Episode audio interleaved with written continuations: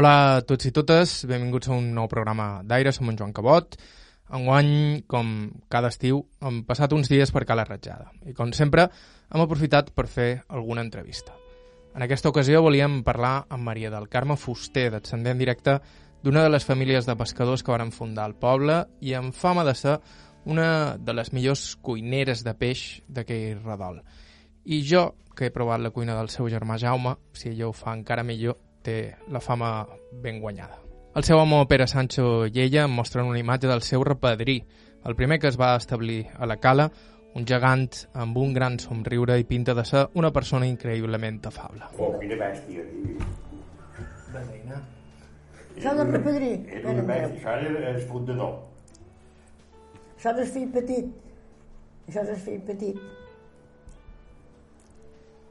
No, hi havia, devia, Oh, devia, devia fer, fer planta damunt, damunt una barca que estava... Uh, Sí, sí, sí, no ho sé. I pas, se coneixia quan que pujava dins la barca. I això, eh, a Can Xiscot, això és veïnat de Can Maia. Eh? Ah, sí. I aquí tenien la fonda. Això és el portal de, de, de, de, de, de casa. I estic aquí i també venien, tenia un pati per darrere i també venien peix, qualque vegada. Això. I l'anècdota més bona de- d'ell és que a damunt la taula, la taula grossa, més que aquesta, sempre hi havia un pa de dos quilos, un cameat I una sobrassada. i, un, i una sobrassada grossa, una pulpulua, una bufeta, i allà sempre... Na Maria del Carme es va criar envoltada de pescadors i de peix. De fet, amb en Pere obririen una peixateria a Artà en els anys 70. En Pere havia estat fuster de Ribera tota la seva vida, una altra feina dura i crucial en el port. Un entorn humil on hi havia peix per dinar i peix per sopar, i on tothom vivia acaramullat en un grapat de cases. Així va aprendre na Maria del Carme a cuinar, mirant com ho feia la seva repadrina, però conversant explica que a ella, en el fons, li hagués agradat també embarcar-se en son pare. Però els temps eren els que eren. Mon pare era... No, no, no vull dir que fos machista, però era un home d'aquell temps. Jo m'hagués agradat anar a la barca i anar a pescar. I sempre em deia, això no són coses de dones. El que escoltareu a continuació és el resum de la nostra conversa aquest passat estiu amb aquest matrimoni que encara avui viu arran de mà a dos pams de Calagat i que ens connecta directament amb la fundació d'un racó privilegiat de l'illa de Mallorca. Estau escoltant Aire a IB3 Ràdio, vos parla Joan Cabot. Començam.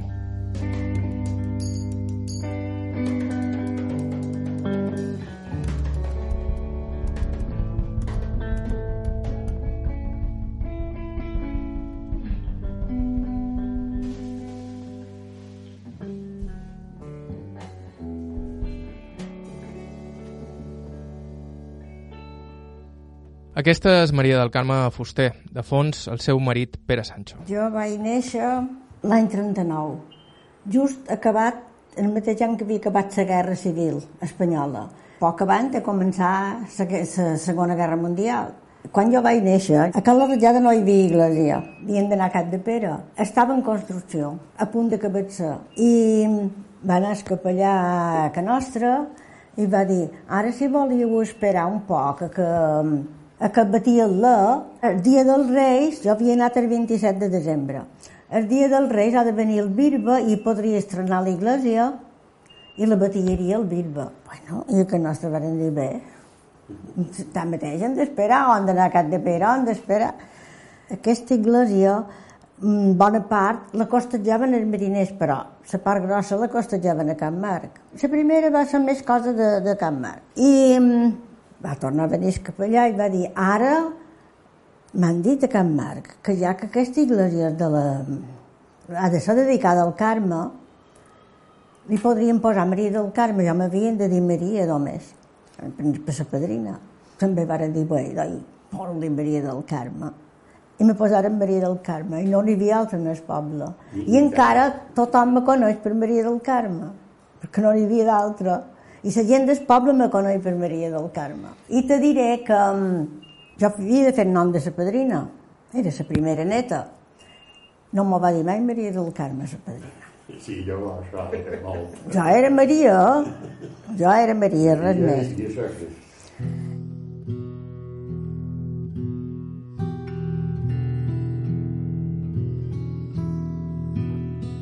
Cala Ratjada era un poble de mariners, no hi havia molt més de, de, de 700 habitants, no arribàvem a més 1.000 de cap manera. I era tot com una família, perquè Cala Ratjada la varen fundar els primers, els primers que venien a pescar aquí, venien pescadors a pescar en l'estiu només. I va arribar un moment que de que eren trobar que s'havien de sentar, que, que quedaven aquí, i varen ser tres famílies que fundaren el poble. Els, els, els Pere Andreus, que són els meus avantpassats, el Nadal i els Castos, varen ser els que més... I els Blancos, sí, els Blancos també. Però la família més grossa era la nostra. El padrí, el, repadrí, jo no l'he conegut, però era un home, me diuen que, que, que mirava dos metres i que era gruixat, gruixat i, i ample. Però sí que he conegut la repadrina, que la repadrina estava a Cas Padrí, a Casa Padrina Maria. I era una dona que jo no la recordo mai asseguda. Sempre trolletjava, sempre feia coses, i era molt bona cuinera. Perquè quan varen venir aquí, a bona, saps on és els cactus? Per davant hi ha una casa que ara està tancada, hi havia una botiga, i allà posaren la primera fonda de Cala Ratjada, i la padrina, la repadrina cuinava. Ferrat a Can Maia. Sí, Ferrat a Can Maia. Que va ser una tenda Sí. tot, tota la vida. no hi havia escola. Varen enviar un, un home, que no era mestre d'escola, però va començar a fer classe com a orientació pesquera, no com a, no com a escola. I de l'Oc començaven a anar allà. I llavors va venir també, hi havia el capellà que va venir per tota l'església, era del poble.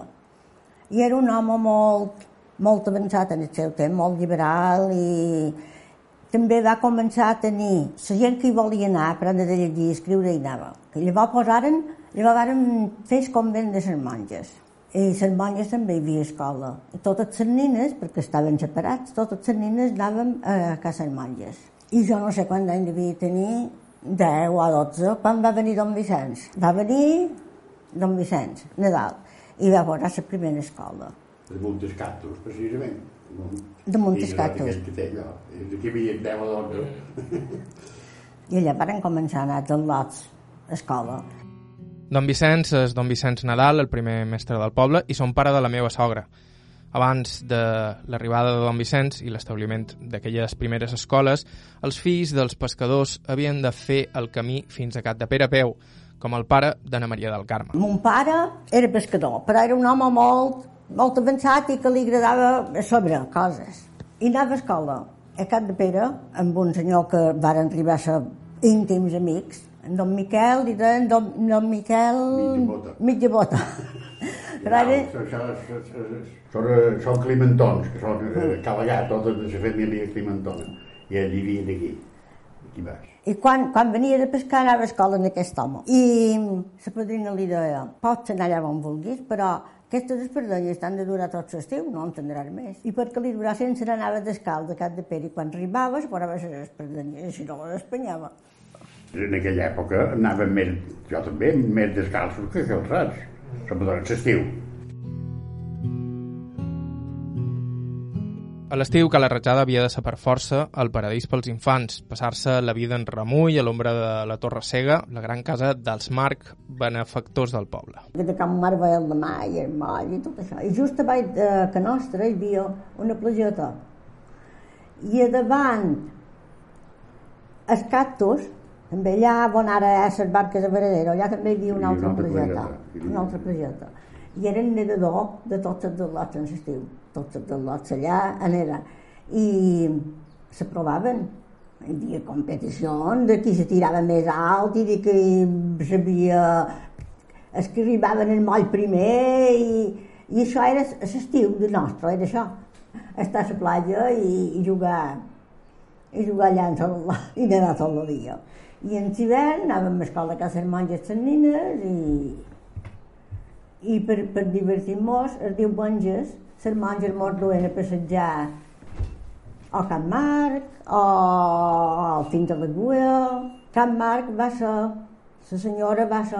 Han estat el que han estat, però va ser una protectora del poble. Perquè era de Cap de Pere i va, Sí. va la situació que hi havia i va ajudar eh, tot, tot, el que, tot el que va poder. Va fer les escoles de les monges, les varen fer a Can Marc. I cada any la senyora mos pagava un autocar per anar d'excursió a Lluc o... Varen conèixer tot Mallorca les nines gràcies a Can Marc. Un autocar, no, diràs, una camioneta que hi havia en aquell temps. Bé, el que hi havia, No hi havia havia autocar. Gràcies a això varen conèixer un poc Mallorca. I tots l'hivern, els matins, les monges mos feien es escola. I els de cada vespre havien de fer labors, no... eh, I tots l'hivern, una hora cada dia, havien de brodar i feien una manteleria o llençol, brodat a mà, per dia de Santa Elionor regalant-lo a la senyora de Can Marc. De Can Marc i, i mos convidaven a xocolata i una festa. A Cala Ratjada hi havia, eren quatre possessions, està dividit en quatre. Aquesta banda d'aquí del Faro, que era dels Climentons, era Can Climentó, el Coll d'Os, que és de Via Mallorca per amunt cap a la Guia, les Roges, les Roges, eh, la partió de les Roges, Sí, arribava a la mà. ri- sí, arribava a la mà. I era del carrer, del carrer de la Guia cap allà, era les Roges. Des de, des de lo que és el que era el mallorquí, Sí. el restaurant mallorquí, que era al matí d'una sala de festes. Sí, la Santa, la Santa. Sí, exacte, Sí, sí. La Santa, tota aquella zona així, una cap a la mà i l'altra cap aquí, era aquesta possessió de les Ranges. eren possessions. Aquí, aquí dalt, que era Can Climentó, l'altre carrer de més amunt, hi ha un espai gros. Això era la vinya. Aquí feien, el, feien vi, però residents en el poble no n'hi havia. Els primers que, que varen construir varen ser meus padrins i crec, no sé, qualque, qualcú de Cap de Pere havia construït una casa, un pom, però no hi havia ningú, no hi havia res. I els padrins varen construir la casa del carrer de Cases Monges. Cala Ratjada era pràcticament l'Ianó Cervera, de dalt a baix, l'església, a Casa Padrina Maria, en el carrer de Cases Monges, Cases Monges per amunt ja no hi havia res. I, i la plaça d'Espí per amunt pau. Sa, no, sa, no, a, a la darrera cara, mira, a la bona és la plaça Castellet, que dona la mà. Allà hi havia un hotel que havia fet un senyor que li deien Cast- en Francisco Castellet, va fer un hotel deia per als treballadors. Pues a l'hotel Castellet s'acabava el poble. De l'hotel Castellet cap allà ja no hi havia res.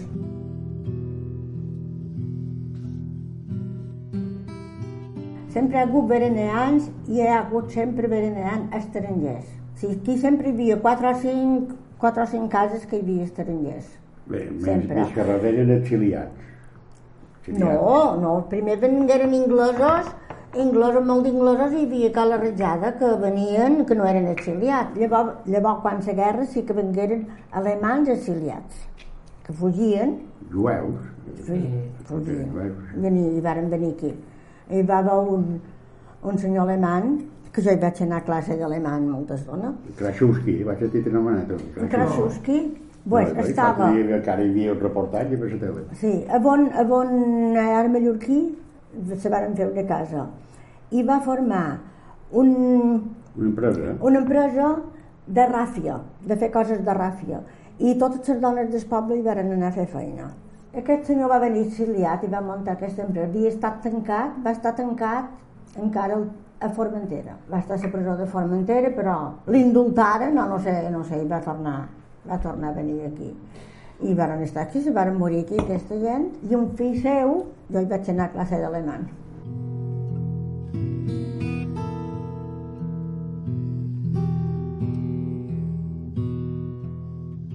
Era Maria del Carme Fuster i Pere Sancho, els nostres protagonistes d'avui. Estau escoltant Aire a IB3 Ràdio. Fem una breu pausa i continuem.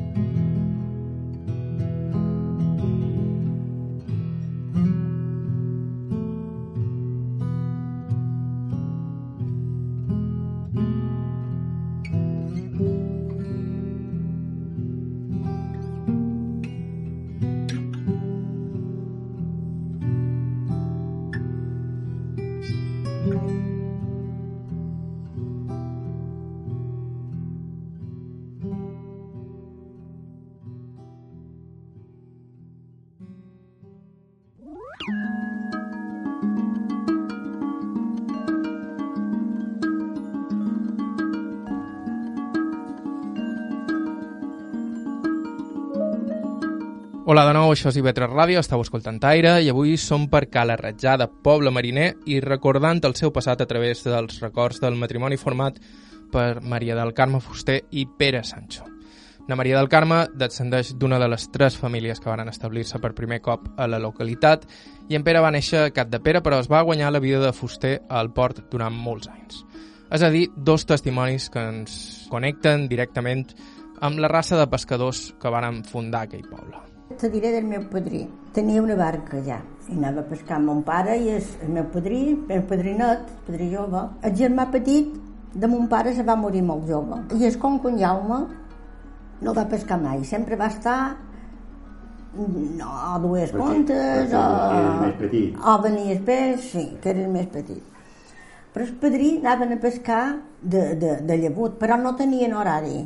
De sol a sol. De sol a sol. O d'a- fins d'aigua, que- no.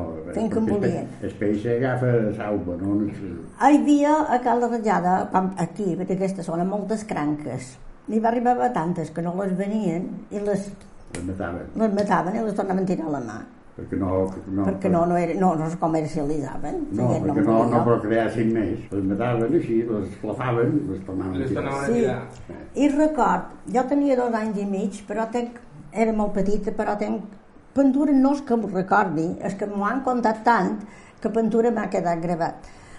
Un dia era de vés les festes de Pasqua, era de vés abril, i un germà del padrí, que també tenia una barca i pescaven els dos fills, va voler anar a pescar i el padrí li va dir, Pep, jo aquest no m'agrada gens, eh? jo no, no sé si m'arriscarien amb en...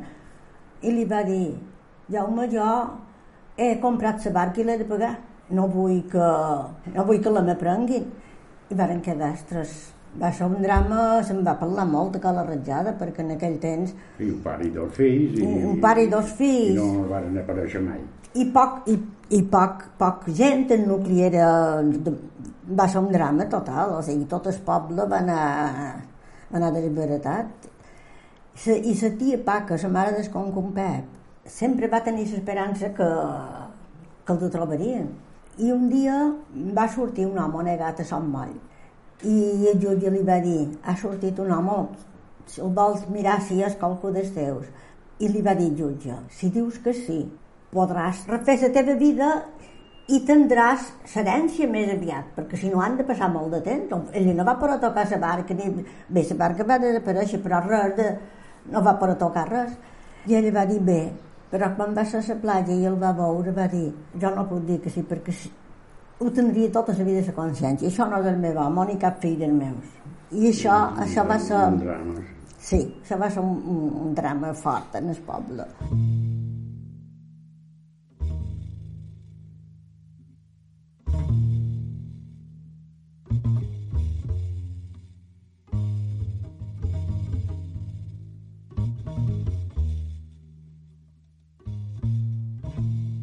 Mon pare també va tenir una de les primeres barques de bau de Cala Ratjada, Rafalet, i mm, també de sol a sol, o sigui, jo amb mon pare, el mes el ver, diumenges de matí, perquè se n'anaven a pescar, sortia la barca de vel les dues, tornaven a venir en la nit de l'endemà, descarregaven el peix, embarcaven els caixons i se'n tornaven, i s'enduen el peix a Palma a vendre en el camió. Mon mare sempre me deia, jo vos he criat com una viuda perquè no he tingut home, perquè no era mai. El descans que tenien era eh, dissabte a la matinada de diumenge, arribaven per fer correu a les 3, el camió. I de les 3 de, de, de, del diumenge de matí fins a les 3 de... de, de, Des de cada vespre, de cap vespre a les 5. ja tornaven per ti a les tres de cada Això vespre. era la vida del marit. I mon pare tenia, sempre de, jo no, no tenc mai mal temps. Quan era mal temps aquí, se n'anava a Menorca. I a vegades se quedaven a pescar a Menorca una setmana. I, I si no podia anar a Menorca, se n'anava a Palma. O sigui, sempre estava en marxa, mon pare. Va ser el primer que va pescar gamba, a la ratjada. No se pescava ni se No se coneixia. coneixia. No. Eh, perquè ell era molt amic de, de Masutí. De, de Dom, sí, de Dom Miquel era que era- un, un biòleg molt important. I, i sempre li deia Carico i, feien, i van venir a fer una sèrie de prospeccions per aquí davant Perico, això és una zona de gamba i ho heu de provar i tal. I ho va provar. I ho I, va i, provar. i el primer dia em, em van agafar, no sé, molta, jo no me'n record quina quantitat. Les endugueren a vendre i no va tenir sortida, perquè no se coneixia la gamba aquí. No va tenir... No la Van van haver de vendre. tirar. Van haver de tirar. I, i, i el padrinet, que era molt pesater, eh, li va dir Uau, Perico, tu sempre vols fer coses noves, eh? Si haguessis duit guerra, t'haguessin venut. I la gamba, uau, ningú l'ha volgut. Era molt... Sí, no, i a més, eh, no se coneixia, eh, clar. Eh, la gent no, no, ni sabien quin peu li havien de posar, ni, ni, ni res.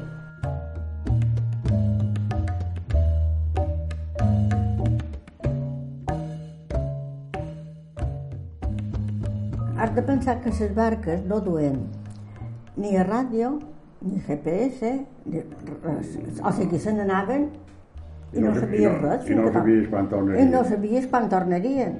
Una vegada mon pare era a Ciutadella a pescar i degué veure que mancava no sé què, i va telefonar i va dir, ara, ara venim cap a Cala Ratjada. I quan vaig a mitjan canal se va alçar una llevantada i, i és com cunyau eh, estaven desesperats, el seu germà van dir no arribarà, no arribarà, no arribarà. Bueno, vàrem anar corrents, en això com cunyau, en el faro, a veure si les veiem. Els veien, tal. ja, però que s'anaven cap al Cúdia. Ja. Quan les, quan les veren, no varen poder uh, arribar aquí, se n'anaren cap al Cúdia.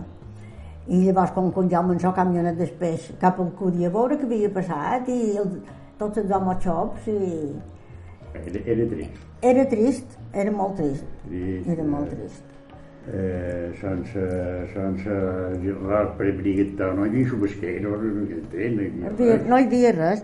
Ara, els mariners, eh, si hi ha brusca, hi ha pel cim, tenen un subesquero de porta i un colzons, i no s'abanyen ni, ni, No, no hi havia ni s'immuten, Quan- ni, ni res. Quan va comprar la segona barca, mon pare, va dur, perquè aquí no hi havia gent, tanta gent que volgués anar a la mà, va dur, va anar a cercar homes de, de. Formentera i d'Eivissa, i varen venir cap aquí. I no, aquesta gent no, no tenien casa, eren homes tots sols, dormien a la barca. I quan feia un temporal d'aquests, que fa tu vas dir, com que una temporal aquí, grossa, tota l'aigua dins la barca, xops, i, i se n'anaven a casa ma mare i, i ma mare les aixugava la roba i les donava qualque cosa calenta, perquè no tenien a bon, no tenien a bon anar. Sí, si feien la vida dins la Se barca. feien la vida dins la barca. Menjaven, se menjaven allà i dormien i tot.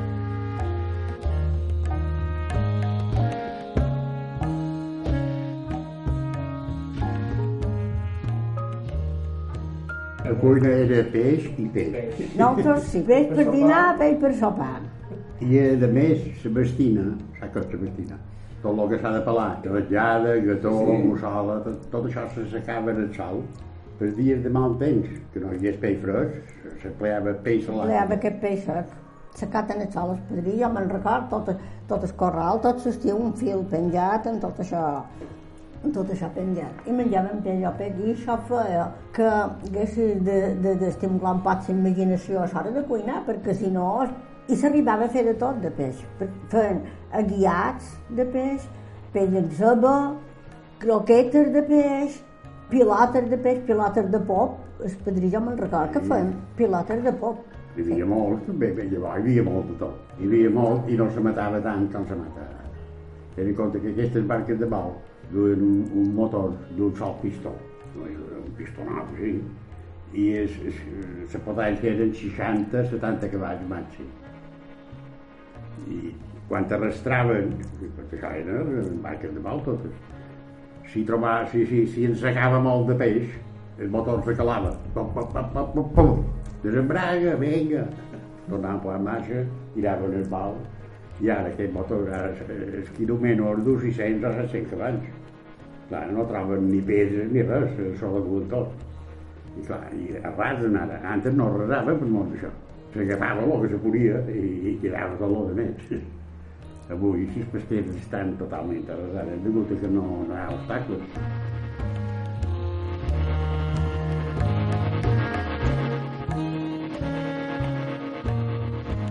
Tot- Totes, totes les barques de bau tenien Sí. un camionet, Un diguem, camionet eh, i cap a Palma.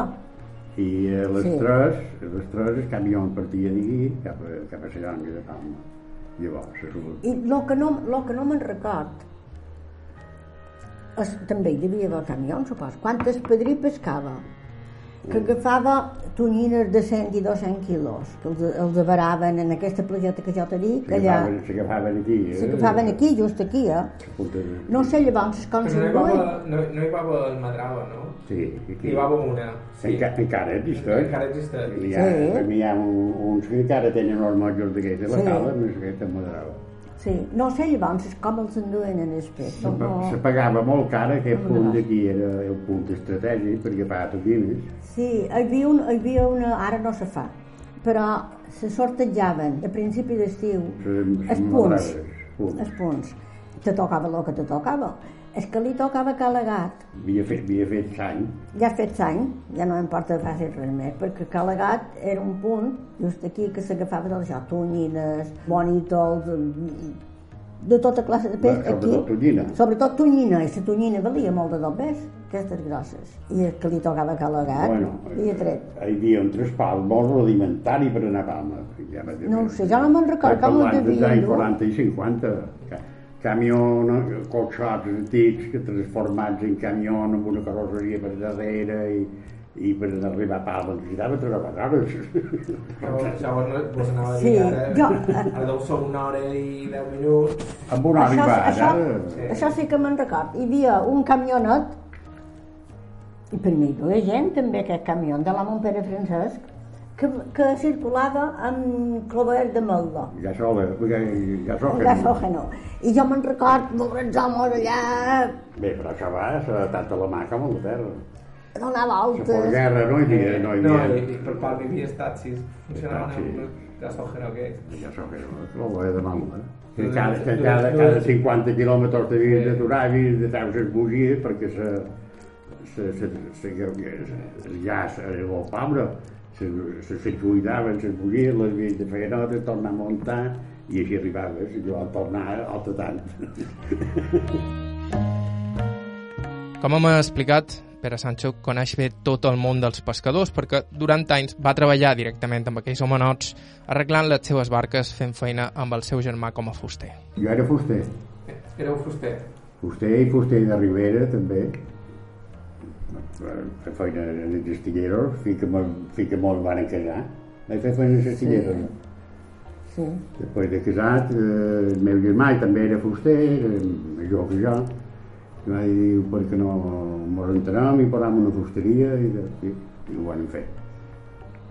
Però supos que la feina de fuster es zones com Cala Mitjana era molt, fer molt, molt, molt d'arreglos de barques i... Aquí sí, tot, eh, aquí s'ha I no tenia de... molta feina. Van fer una obra d'art aquí, una barca de, de Maló, eh, va venir per fer-ne una de nova, i no li van donar permís. Va, va, venir, va demanar per fer-ne una barca nova, s'havia de, s'havia de fer a damunt la vea, diria. No, no, no, no, no podies eh, tirar la vea i fer-ne una de nova. No saps la feinada que va dur.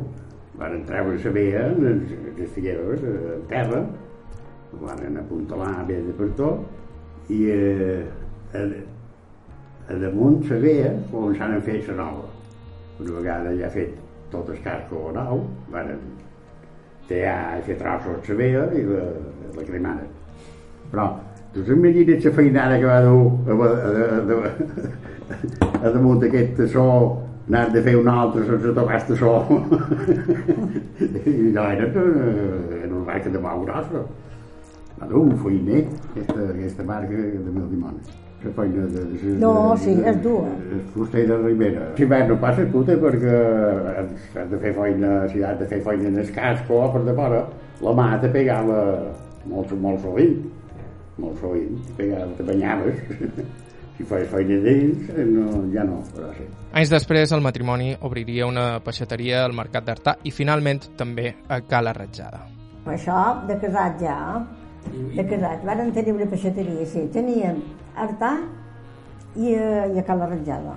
Anàvem a Artà dos fills per setmana, en el mercat. A Artà hi ha mercat tancat. I allà... L'any feia 70, eh, pastisseria. l'any 70, se va obrir aquest mercat a Sí. L'Ajuntament i això va, va demanar per aquí si volia qualcú que pogués muntar una pescateria. Va començar No. a Artà, eh, Vareu començar a estar. Sí, varen començar a estar, va ser un dels mi millors temps Sí. per nosaltres, un del mig, sí. perquè vàrem fer dos bé, sense robar res de ningú. I eh, Artà era un poble molt, molt actiu i, i molt peixater, perquè sempre hi ha hagut els peixaters aquests doblades i sau per Artà, el peix sempre ha anat eh, i va ser un èxit, però és pescateria sí. Artà. D'Artà va, va durar una temporada que jo coneixia més gent d'Artà que d'aquí, perquè tothom van arribar a conèixer tothom, a més jo m'agradava molt. Eren només dos dies per setmana, No, però jo vaig anar més dies, però els dies, els dies de vendre eren els dimarts i els dissabtes. perquè, perquè el dia que hi havia el mercat, Hi havia el mercat, el dimarts, i el tata tot el gent van al mercat. Llavors vàrem obrir, sí, Cal la Ratjada. La peixateria també era dur perquè també havíem d'anar a Ah, bueno. comprar el peix a pau, no vam vendre en la nit, per, per de matí por aquí, per, per tenir el peix. Bueno, al Sí. principi, quasi, quasi molts sortien bé d'aquí. Però allà s'havia vist qualsevol tipus de peix que, aquí no era, com el, el peix de, de les vaques de, de cerco, que diuen. Que pesquen en la nit, hi agafen sardina, bocaró, cavalla i tot el peix blau. Mm. Això aquí no n'hi havia. Si volia dir res d'això, havia d'anar a la llonga. I sí, era a partir d'aquí a les 3, a les 7 tornar aquí per obrir la pescateria i molt d'anys ho van fer això. I la pescateria la varen tenir fins que mos jubilaren. D'això ara fa un grapat d'anys, un temps que Maria del Carme Fuster ha invertit en fer créixer la seva fama com a cuinera de peix. En uns segons parlam de fogons amb ella. Això és Aire a IB3 Ràdio, fem una pausa i continuam.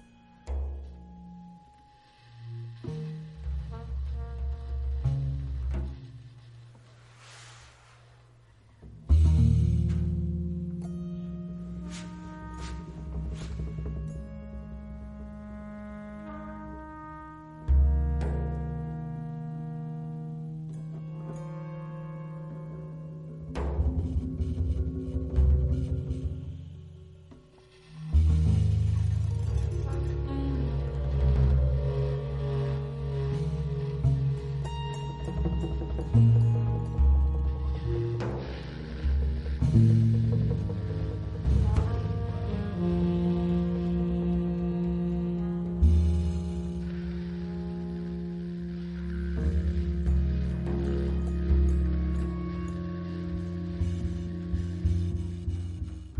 Hola de nou, estàu escoltant Aire a IB3 Ràdio, un programa setmanal sobre la memòria oral de les nostres illes que, vos recordam, podeu seguir també via podcast a qualsevol dels agregadors disponibles.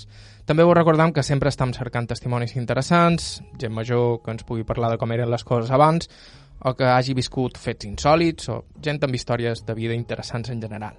Si teniu qualsevol idea o suggeriment, ens podeu escriure a aire.ib3radio.com o deixar-nos un missatge al 971 13 99 31. Nosaltres avui som per Cala Ratjada, cada estiu hi passam uns dies i solem aprofitar per fer alguna entrevista i la d'avui és amb dues persones que han tocat a les mans les essències d'aquest poble fundat per un grapat de mariners dels que, de fet, Maria del Carme Fuster descendeix directament. A ella la vàrem anar a encalçar, sobretot perquè ens parlés de cuina. Pel poble té fama de cuinar el peix com poques, un art que va aprendre de passar hores a la falda de la seva padrina i la seva repadrina. Aquesta és en Pere, el seu home. Tot això, com que eren dues o tres generacions juntes, un aprenia de l'altre un aprenia de l'altre, i ella va aprendre molt. Perquè també m'agradava, m'agrada, i La mare Tota també... la mare també, ma mare també guiava molt La mare bé. era de Cap de Pere, no era de Cap de I quins eren els plats així com més típics que que arròs amb peix, fideus amb peix, peix bullit, peix en el forn, Sí, les Sí. famoses arrossos secs, perquè llavors no se feien paelles, se deien arrossos. arròs secs, De la padrina de quan era per Pasqua Ocupa. per Nadal, Bé, sagrada. les festes anomenades, feien aquest arròs sec, i una cigala, llagosta i cranca, tot això. La padrina, si no tenia tot això, no ho volia fer. Anaven tots, molt juntaven tots a dinar a casa padrina i havia de tenir, si no, no feia, no em feia d'arròs. Però si no, de de tot. en tenien perquè tenien vivers, també.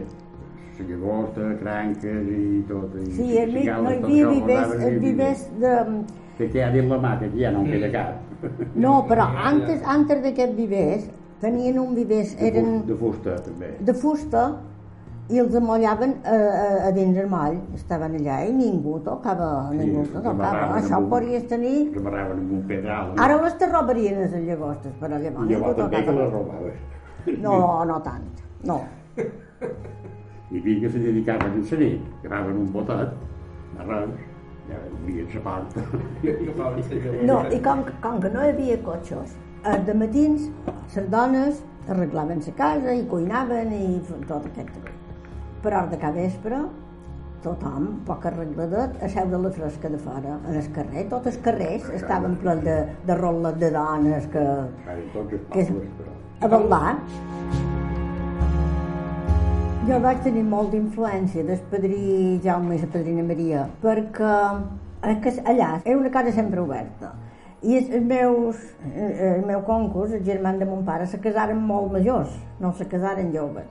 I allà sempre hi havia ambient, sempre hi havia ambient de jovet, i jo m'agradava més estar a casa padrina que a casa mare, sempre, sempre la estava allà. família va ser molt matriarcal. Sí. La padrina era el que duia tota la família, la matriarca, i ella va heredar tot això. El germà petit, dues, dues contes, però la padrina sempre estava, ho sabia tot. Quan anava qualcú a cobrar una factura o a demanar qualque cosa, va dir, la padrina deia, ai, ara no és en Jaume, ara ho tornar un poc més tard això, però era ella que duia el mando i el tot més, ho feia per fer que era el padrí. Era ella que comandava. Ell, ell deia, no, tornau, tornau, que ara en Jaume no és, però eh, quan tornaven era ella que, que repartia.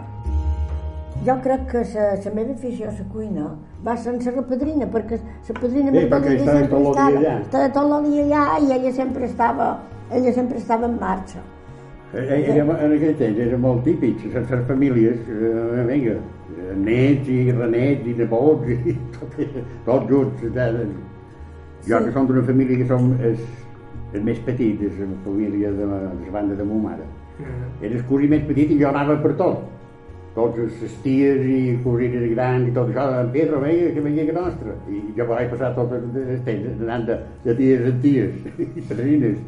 I jo sempre a casa padrina perquè era la primera neta i la padrina, bueno, eh, jo sempre era allà.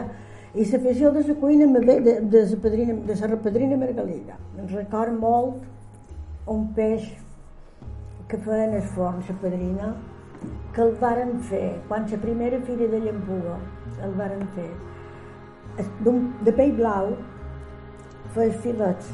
Després el rellenava de, de quan s'hi fes peix a la mallorquina el rellenava de verdura tapava en l'altre filet per damunt hi posava galleta picada i el ficava en el forn.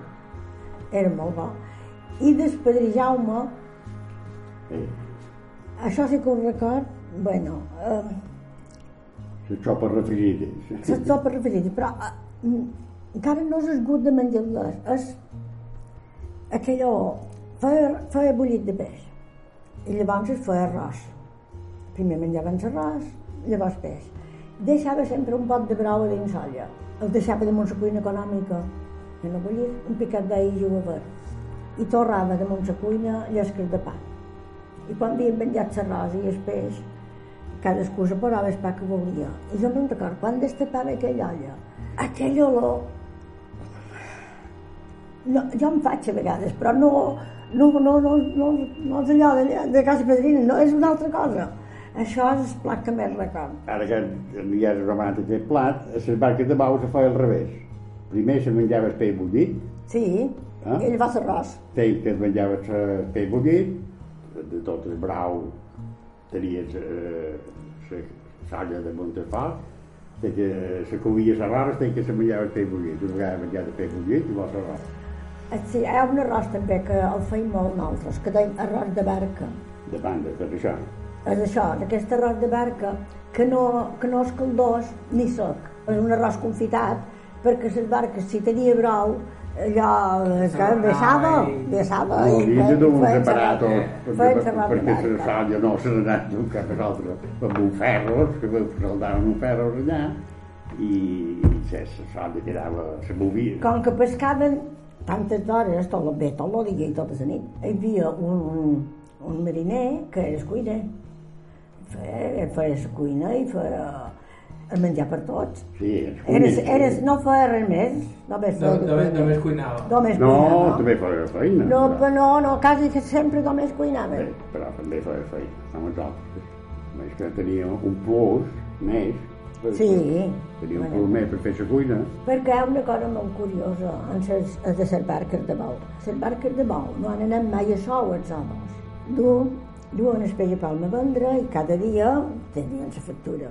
I el dissabte, antes se feia cada 15 dies. sí, antes se feia cada 15 dies, feien parts, el que se diuen parts. Feien de lo que havien guanyat, una part anava per la barca. I llavors de lo que quedava pagaven el gasoil i el menjar, feien tot això. Llavors, el que quedava repartien entre els mariners. El patró tenia dues parts. No, no se, se deien cortons. El motorista una i mitja. El cuiner una i un plus per, per, per la cuina. I els altres només una part. Se repartien. Sí, Era com bueno. una cooperativa, no sé com dir Bueno, i ara continua sent així, me pareix que ara. Jo no sé si ara ho fan o no, però... Bueno, ara ha, ha canviat un poc, però vaja, vaja així.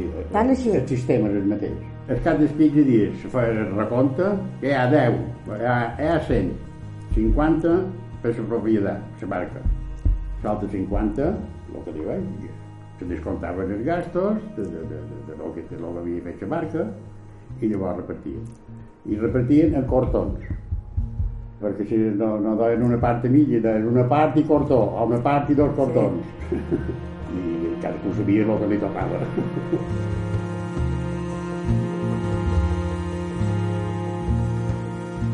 I aquests anys en Pedro diu que ha passat gana. Jo no, no recordo haver passat gana mai, perquè sempre hi havia Hi peix. havia peix.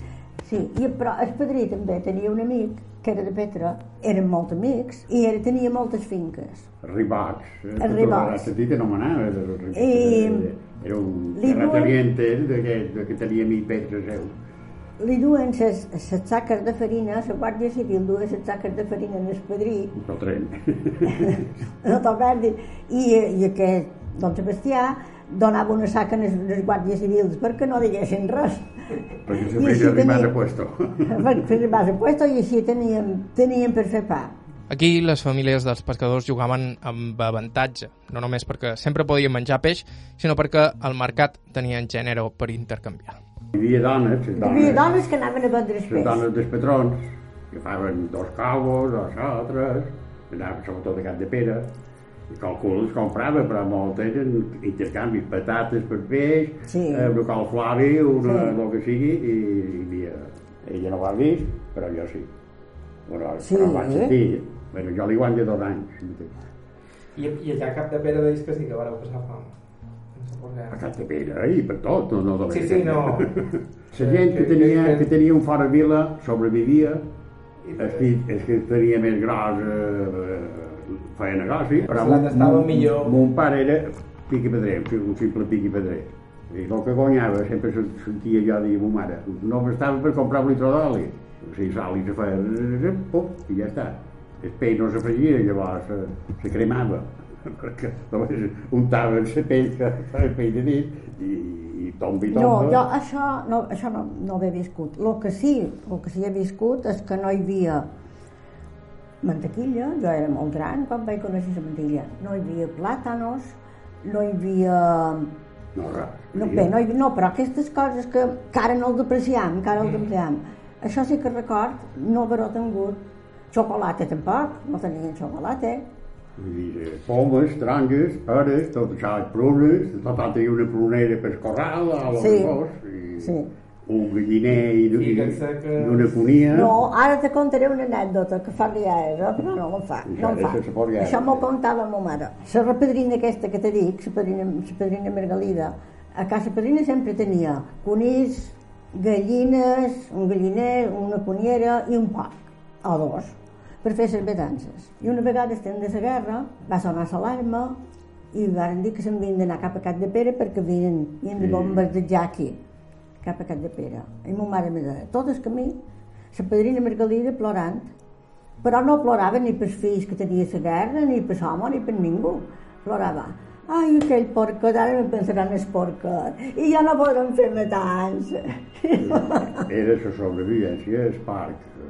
Eh, tant a la mà com a la terra tothom tenia un porquet eh, en el corral. Era, era la subsistència, perquè Sí, hi havia sí, sí. Saïm. Saïm era eh, substitut de soli. Eh, pasta eren tan bons els menjants llavors, perquè una curada grossa de dins, per fer sofrir. No sé si tenien colesterol o no, perquè jo crec No. que no s'ho miraven. No, que no, no n'hi havia miraven. perquè el gastaven, el cremaven, el colesterol. eh, vull dir, ara hi ha colesterol perquè no cremam, només menjam, seny, caminam, hem de caminar perquè fer qualque cosa, i llavors no importava caminar. Vull No. dir, les xarxes, els llamots que pescaven de xarxa, pujaven així, i bé, que si eren plenes, un moment, vinga, tornen a mi, tot tres o quatre homes eh, a la banda, pujaven les xarxes. Aquí n'hi va arribar a haver 14 de les tres. 14 n'hi va arribar a la ratllada. Però al seu temps n'hi havia, hi havia el Rafalet, va ser la primera, Ja va Rifalet, el Cap de Pere, Cap de Pere va venir després. sí, però... Una, una que se va fer aquí, en un destillero de Calarallada, que li van posar a Calarallada, que era dels blancos, i Hi després, havia un altre dels blancos, el Francisco, bé, això va anar amuntant en el temps. Els blancos eren dos germans, i un ja va, va, va fer el Calarallada aquest, i l'altre, l'altre germà també, més tard va comprar el, el Francisco aquest, que li diuen el Tercio, que se'n va anar a fons, també se'n va anar a fons aquesta va va explotar una, una botella de, de, de, de, de pressió que duien per posar el motor en marxa, va explotar i va, va, va rebentar la barca. I així, eh, que un, cada, cada, cada, cada armador d'aquell va anar comprant més barques i va va arribar a tenir tres. L'altres va tenir eh, dues, el Rafalet, el Joven, el Caladell, el, el Cap de Pere. Primer hi va el el Caladell. Joven va ser- Miguel i d'any igual, i posaren al cap de pedra. Sí. I els altres també eh, tenien dues altres barques, i que algunes que van venir de fora, ja t'hi dic, eh, eh, aquesta època n'hi va arribar a 14. Moltes, no hi cabien. El mal no era tan gros com ara, era més petit encara.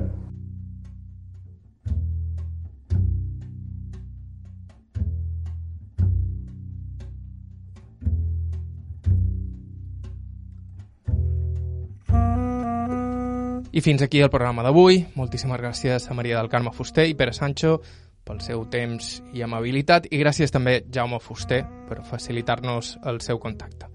La música que ha sonat en el programa d'avui ha estat de Marisa Anderson i Gene White, de Joshua Abrams i Chris Speed Trio. Podeu escoltar aquest i tots els nostres programes anteriors a ib3.org i ib3alacarta.com i també us podeu subscriure al podcast d'Aire a qualsevol dels agregadors disponibles.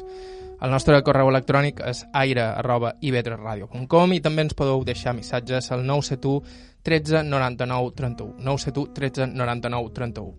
Bàrbara Ferrer, la producció executiva, us ha parlat Joan Cabot. Gràcies per ser a l'altre costat i fins la setmana que ve.